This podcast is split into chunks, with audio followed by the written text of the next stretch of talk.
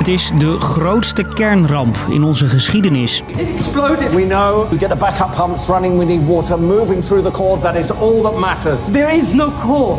Op zaterdag 26 april 1986 ontploft de kerncentrale van Tsjernobyl. It exploded. The core exploded. Komt er een gigantische wolk van radioactieve stof vrij. Inmiddels is het gebied veranderd in een spookstad en nog altijd onbewoonbaar.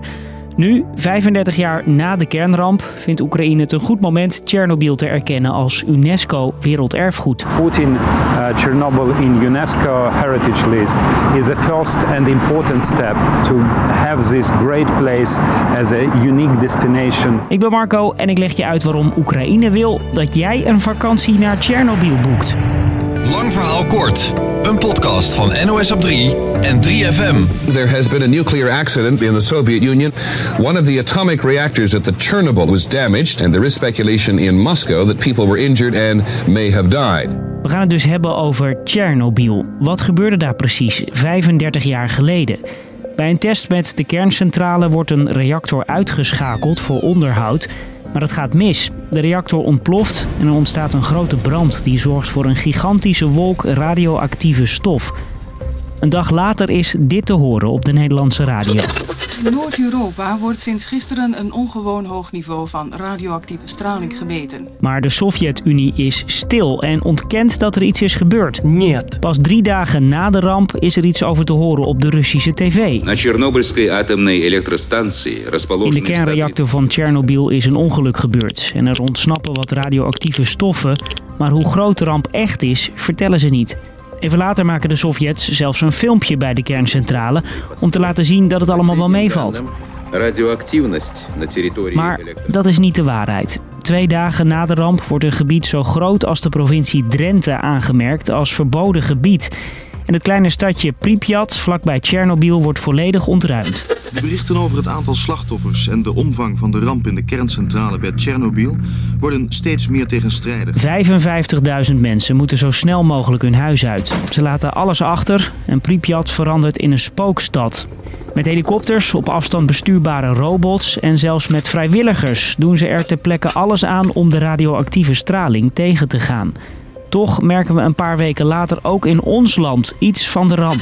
Het niveau van de radioactieve straling boven Nederland is vandaag onverwacht gestegen. Het ministerie van Landbouw geeft het dringende advies geen verse spinazie te eten. In Nederland lijkt het uiteindelijk mee te vallen, maar dichter bij de kerncentrale zorgt de radioactieve straling voor grote problemen. Duizenden mensen krijgen kanker of andere gezondheidsproblemen en overlijden. Dat was dus 35 jaar geleden. Maar hoe is het nu in dat gebied? De plek is verwilderd en 100% veilig is het nog zeker niet. Experts denken dat het nog wel 24.000 jaar kan duren voordat mensen er weer veilig kunnen wonen. Maar een kort bezoekje met een gids, dat moet inmiddels kunnen. So this is where all of the radioactive debris was blowing after the reactor exploded, and so it's one of the most highly contaminated areas. Voor toeristen die houden van verlaten gebieden vol oude vervallen gebouwen is een tripje Tsjernobyl niks nieuws. So we're just entering the town hall of one of the evacuated cities. Super eerie feeling. En sinds HBO in 2019 een serie maakte over de ramp, is het gebied voor toeristen een stuk populairder geworden. In dat jaar boekten bijna 125.000 mensen een rondtripje door de spookstad. We knew about the disaster and we've always wanted to come and see it. I think it made a lot of impact on, uh, on all of us, so it's, it's really cool to be here. En dat is 40% meer dan het jaar ervoor. Door corona zakt het in, maar Oekraïne ziet al die toeristen graag terugkomen, vertelt deze Engelse verslaggever. Now Ukraine is boosting tourism here. They're opening up the control room where many of those fateful decisions were made to the public for regular visits. De Oekraïense president tekent in 2019 een plan waarin staat dat Oekraïne gaat zorgen voor betere wandelpaden in het gebied, extra telefoonpalen voor beter bereik en er geldt niet langer een filmverbod rondom de verlaten kerncentrale. En nu wil Oekraïne dus dat ook Tsjernobyl een plek krijgt op de UNESCO Werelderfgoedlijst. Uh, First of all, because uh, it's not only about memorization, but it's also about uh, history. Op die lijst staan honderden plekken die volgens de Verenigde Naties belangrijk zijn om voor altijd te bewaren. Zoals onze eigen grachten in Amsterdam en de piramides in Egypte. Maar wat heeft Oekraïne eraan om Tsjernobyl op de lijst te zetten?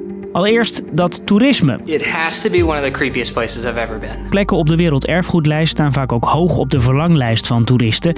En toeristen betekent geld. En ook UNESCO zorgt voor een flinke zak geld. Landen kunnen zodra ze op de werelderfgoedlijst staan gebruik maken van allerlei potjes om het gebied op te knappen. Oekraïne wil dat geld gebruiken om te zorgen dat alle belangrijke gebouwen rondom de kerncentrale behouden blijven. Maar het is niet alleen maar geld. De ramp van Tsjernobyl is een belangrijk moment in de geschiedenis. En Oekraïne hoopt dat een plekje op de werelderfgoedlijst ervoor zorgt dat niemand vergeet wat er op 26 april 1986 gebeurde. Dus, lang verhaal kort, 35 jaar geleden ontplofte een deel van de kerncentrale van Tsjernobyl, de grootste kernramp in de geschiedenis. Oekraïne wil de spookstad omtoveren tot een toeristische trekpleister en wil daarom een plekje op de werelderfgoedlijst. Dat was hem weer voor nu. Tijd voor weekend. Maandagmiddag vind je weer een nieuwe lang verhaal kort in je podcast app. Fijn weekend. Oh, en heb je dit weekend niks te doen? Luister dan eens naar de 3FM-podcast Geschiedlied van Joost Schulte. Deze jongen zou de Anne Frank van Zwart Amerika worden. De moord op deze jongen zou talloze zwarte activisten tot op de dag van vandaag inspireren. Dit is het verhaal van de vermoorde zwarte jongen Emmett Till, aan wie zangeres Melody Gardot een prachtig eerbetoon heeft geschreven. Ik ben Joost, ik ben historicus en ik ben DJ bij 3FM. En in de Geschiedlied podcast duik ik in liedjes van bekende artiesten die een bijzonder geschiedenisverhaal vertellen. Je hoort het in de podcast Geschiedlied. Check hem in de 3FM app of jouw favoriete podcastplatform.